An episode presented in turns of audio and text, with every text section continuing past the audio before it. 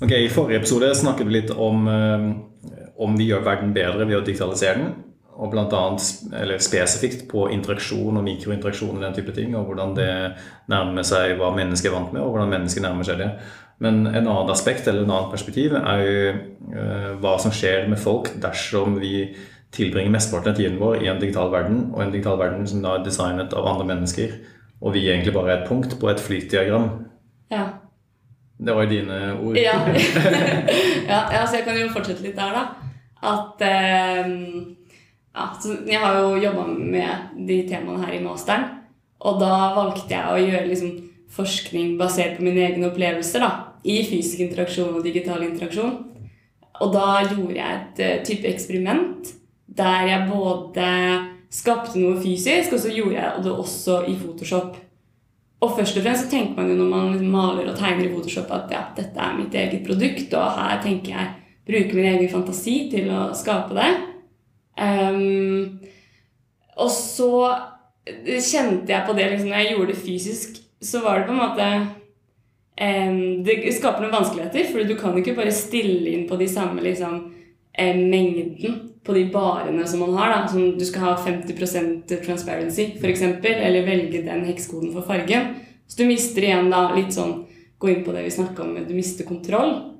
Men samtidig ved å um, miste litt kontroll, så får du også mer frihet. Fordi i det å ikke befinne seg i denne valgarkitekturen som er forhåndsdesigna, så står du totalt fritt til å velge. Mm. Ja, så det eksempelet ja, Du hadde så bra eksempel ja. i sted. Men du kan ikke rive i stykker arket i Photoshop. Nei, det er, det er nettopp det. Ja.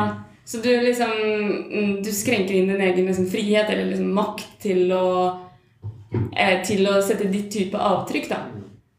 Og det tenker jeg det er liksom i alle situasjoner. Hvis vi liksom i, snakker sammen i en Messenger-app, så har du det settet med emojier, du har skriftspråk, du har sånn og sånn. Mens når vi er her sammen i rommet, så er det liksom Vi kommuniserer på en veldig sånn kompleks og flott måte, da. Um, og vi har en total frihet. altså nå kan jo, Du kan reise deg opp og synge hvis du vil. Jeg kan danse en dans. det var rart du skulle si det, for det var akkurat det jeg hadde. Men det er noe i det. Det er et eller annet med det er en begrensning. Altså, man er i et lukket rom da, i det digitale. Du er begrenset av det verktøyet der. Ja. Jeg jobber tilfeldigvis ganske mye med en kunstner eh, også. Og vi har funnet sammen, Hvor jeg er liksom hans digitale høyre hånd. da. Okay. Men vi har funnet ganske mye sånn samarbeidsformer hvor vi ofte går bort fra skjermen. Eh, og da På grunn av sånne begrensninger som det. ikke sant? Vi, vi, det begynte for det begynte jo med at han hadde vært med på ganske mye utsmykningsoppdrag, bygd opp ting i 3D, altså modeller, fysiske modeller. Eh, men da vi begynte å jobbe sammen, så plutselig brukte vi 3D-programmer, og det var ingen andre kunstnere som hadde gjort det, så plutselig fikk arkitektene fikk første gang sett bygget sitt før det var ferdig. og masse sånt. Ja. Det var å åpne en stor verden. Ja. Men vi er ikke gift med den teknologien, så ofte så har vi gått tilbake igjen til papirmodeller. Fordi vi kjenner verktøyet så godt at vi vet at nå trenger vi å bygge dette fysisk. Det gir mye mening enn å sitte og knote med lysinnstillinger i, i 3D-programmet eller mm. eller hva det er. Mm. Men uh, bare for å stille kanskje et dumt spørsmål. Uh, betyr det bare at alt dette kommer til å forsvinne når vi får AR eller VR? Ordentlig VR? Sånn, ja. ja. ja. Fordi vi, teknologien er rett og slett ikke god nok ennå. I VR så kan du rive stykket papir. Jeg tror liksom, de store linjene så blir det jo den virtuelle verden og verktøyene blir mer og mer komplekse, blir mer omfatter mer og mer og mer. Så liksom, skritt tilbake igjen så er det jo den verden det går.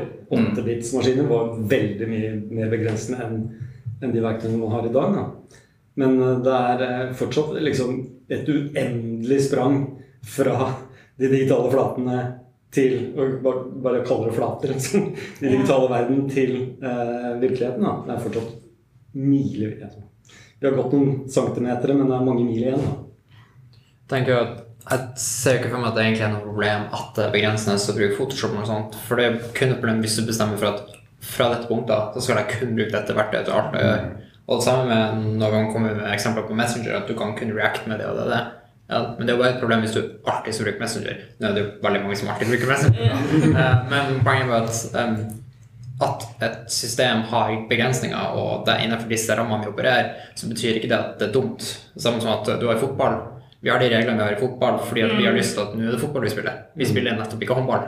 Eh, Så jeg tenker at så lenge det ikke alltid må brukes én ting ever, så er det greit at det er begrensninger på det. Og det syns jeg er et viktig poeng, fordi for denne kunstneren som jeg jobber med, han syns det er befriende å jobbe i, i Photoshop. Ja. Fordi det åpner opp et større mulighetsrom enn han har fysisk. da. Vi kan gå tilbake, vi kan, eh, vi kan lage mange forskjellige varianter av ting. Vi kan prøve ting som ville tatt veldig lang tid å prøve ut fysisk. Og så kan vi forkaste det, og så hopper vi liksom frem og tilbake. Så det er i hvert fall noen fordeler i den verden som han liker der. Og så bruker han mye tid på maling og elsker det som er til andre. Og så er det liksom ikke alltid mulighetsrommet som eh, er bra for oss. Sånn, på en måte, vi, mennesker trives jo under begrensninger. Eller sånn, vi blir jo kreative når det er krig og vi har lite tøy. Så gjør vi noe genialt av oss, på en måte. Ja.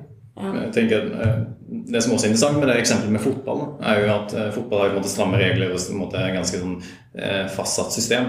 Men uh, koble det til uh, den digitale verden er jo da at vi spiller ikke fotball åtte timer om dagen, de har fleste av oss. ikke sant? Ja. Mens vi er i den digitale verden åtte timer om dagen. Ja. Og det er vel den balansen her som er litt sånn utfordrende. at Når vi befinner oss i den der fastsatte, begrensa, lukka verden, åtte timer, eller 16 timer i døgnet, så gjør det kanskje noe med syke. Ja. Ja, jeg husker Da vi satt på hjemmekontor, så begynte vi med sånn felles lunsj. At vi hadde et eh, åpent Zoom-møte hvor folk kunne komme inn. Eh, så jeg var med på det et par ganger, og så merket jeg at det her var jo som å sitte i et vanlig møte. Så vi skal sitte og snakke om eh, ting vi eh, er interessert i, og bare ha det hyggelig. Men det er jo det samme opplevelsen som å være i et møte. Så det var ikke noe forskjell der. da, Mens hvis jeg satt ute i stua med folk jeg bodde med, så var det noe helt annet. Mm. Ja. Så det var et eller annet med bare det å gå inn i et Teams-rom som bare gjorde at det ikke ble det samme. Så det ble ikke det samme som et fysisk møte. da. Ja, Og så sitter du jo og snakker på tur, og det er liksom ikke Ja. så naturlig, da. Ja, jeg, eh, eh, jeg tenker litt sånn hvor, eh, hvor viktig er egentlig eh, frihet, da? Ja. Sånn, I mange sammenhenger. Og i hvilken grad skal det gå på bekostning av f.eks. effektivitet? da? Ja. Fordi det er jo det er liksom den eh, I den forrige episoden hvor du snakket om dette med lyspære, og det at vi ikke er eh, at liksom Ild er noe vi ikke setter pris på lenger. Så kan vi liksom sitte kanskje på det, det stadiet vi er nå, da, og kommunisere via Messenger og lignende. Og liksom sitte nå eh, ganske mange år fram i tid og tenke på sånn at det er ganske banalt. Så har vi kanskje en samtale om noe helt annet. En annen teknologi som var sånn Det var så mye bedre før når vi bare satt med fingertastene og liksom trykket på Sendte melding på Messenger, da. En morsom anekdote der. Jeg tror det var Aristoteles, hvis jeg ikke husker helt feil, som, eh, eller Sokrates, husker ikke helt, men en av de eh, mislikte bøker sterkt. Fordi han mente at eh, introduksjonen av, eller oppfinnelsen av bøker førte til at folk ikke måtte gå rundt og huske ting lenger. Og det vil til slutt føre til uh, the demise of human eller mind eller noe. Ja, det har de jo gjort. Hadde jo helt rett. Ja, jeg har um, opplevd det med spesielt språk og autokorrekt og sånn. Og da, vi har jo mye av det, vi også. Men jeg var, øh, hadde en kinesisk foreleser en gang, og han sa at hvor mange av dere i klassen er det som kan faktisk skrive tegn riktig? Hvor mange er det som kan skrive dette tegnet for meg nå på tavla? Det var ingen som kunne. Ja. Nå går vi jo litt inn på de-skilling, da. Det føler jeg vi må ha en egen eh, Ja, de-skilling, hva er det for noe? Nei, Det er jo nettopp det her, da. At teknologi eh, tar over oppgaver som vi selv kunne før. Som vi ikke trenger å lære lenger. Ja. Mm. Men jeg ser bare det, akkurat den, det Aristoteles-eksempelet er jo det, altså det er jo liksom det det er sånn det alltid har Det er sånn det alltid har vært. da ja. Og det er jo Vi, vi sitter og tenker at dette er en selv, selvfølgelighet. Mm. Så ja, jeg, jeg tenker at det, det er et veldig viktig poeng det vi snakker om. Jeg tror det aller viktigste er ikke liksom teknologien og det at vi går over til en digitalisert eh, hverdag, da. men det at vi har fortsatt passer på at vi har muligheten til å påvirke den teknologien da, Mm. som lages, og hvordan den utformes. Poenget er vel hvem som lager den valgarkitekturen. Mm. Hvem sitter bak? Hvem er det som eller, Og den bevisstgjøringa som vi må ha. Ja, og, og vite at ok, nå går jeg inn i denne appen, den, og de valgene jeg gjør her, de er forhåndsbestemte for meg. Nå går jeg ut av appen, nå er jeg i det virkelige rom. Da har jeg friheten som jeg gir fra meg. Sånn, man må bare være litt bevisst akkurat det eh, kompromisset som man inngår. Absolutt. Ja. Og det er jo den, eh, det mangfoldet eh, med hvem som lager de digitale løsningene. Ja. Hvem er det som faktisk sitter og, og lager dette eh, behind the scenes? Mm. Er det bare eh, hvite menn? Mm. Eh, så har man kanskje ikke det, sam det, for, eller det mangfoldet som man har i et vanlig samfunn. Ja, jeg synes det er interessant det med det sosiale da, rundt hvilke løsninger som blir brukt. For jeg merker jo uh, vært i forhold uh, da Tinder kom ut, og jeg i kjæresteforhold. Så jeg installerte aldri Tinder. Og så var jeg i det forholdet ganske lenge, i tre år, så det slutt. Og så hadde jeg hørt så mye dritt om sjekkeapper og sånn, så jeg installerte det aldri. Og etter to år en- i et nytt forhold, da, men jeg har fortsatt ikke brukt en Tinder-app, og jeg vet ikke hvordan UI-en funker, sjekkeapper og sånn. Er å swipe til høyre eller venstre bra eller dårlig?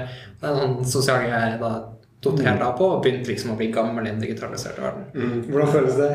Nei, jeg måtte laste ned TikTok, for da heller ikke bare for seg. Hva er jeg igjen? Og sånn, har prøvd det ut, i hvert fall. Så men jeg innser at jeg kommer til å bli en pensjonist eh, en gang også. Ja. Som designer, hvor nøye følger du på en måte satte retningslinjer? Altså, nå tenker jeg på veldig enkle ting, som at eh, å krysse ut et pop-opp-vindu skal være øverst til høyre hjørne, og eh, confirm og cancel-knappene. Det er jo noen regler på hvilken som skal være på høyre og venstre side her. Å ja. Hva tenker du om sånne ting? Jeg, nei, jeg vet ikke hva retningslinjene er. Jeg bare ser og hva, hva syns jeg funker og ikke. Og brukertester. Ja. Tror du det fører til at alle gjør det likt?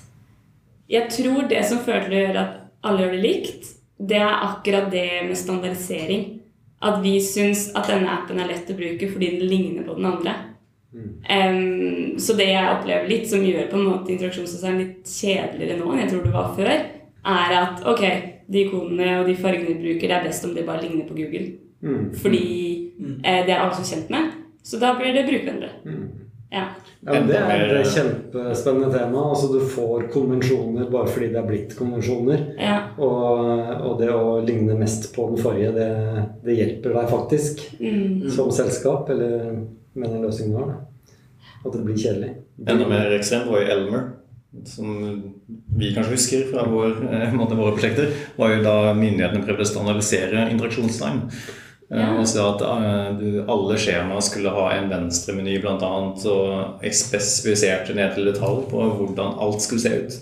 Det var ikke lov til å ha noen form for variasjon. Da, for for, liksom, intensjonen var veldig, var veldig bra, da, fordi tanken var jo at folk som var liksom ikke så kjent med teknologi, skulle da kun måtte lære seg ett designspråk. Og så kunne, skulle du kunne måtte interagere med alt av måtte, offentlige tjenester. Ja.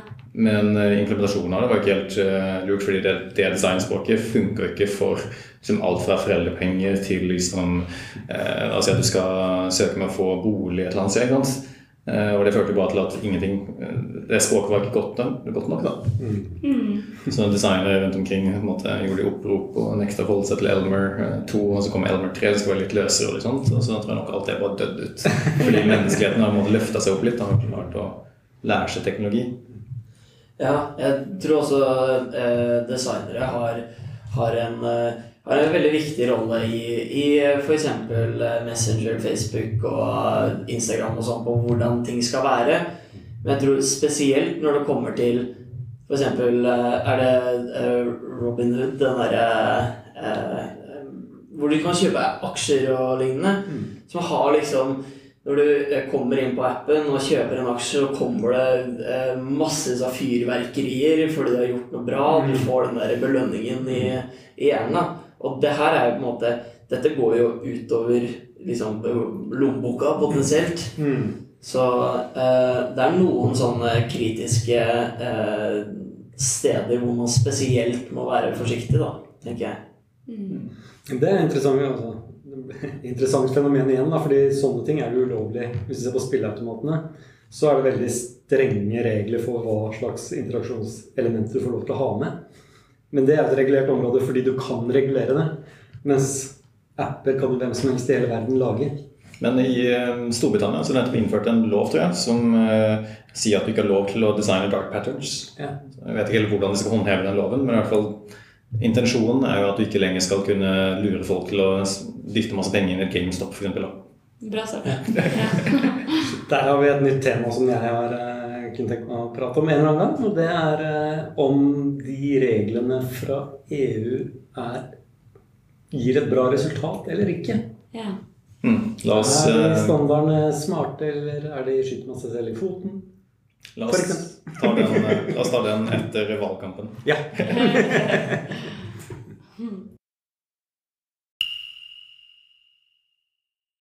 Drypp er en lavterskelpodkast fra Beck, hvor vi diskuterer diverse temaer som interesserer oss. Og hvis du har et tema som du har lyst til at vi skal snakke om, eller du vil være med på en innspilling, ta kontakt på drypp.beck.no.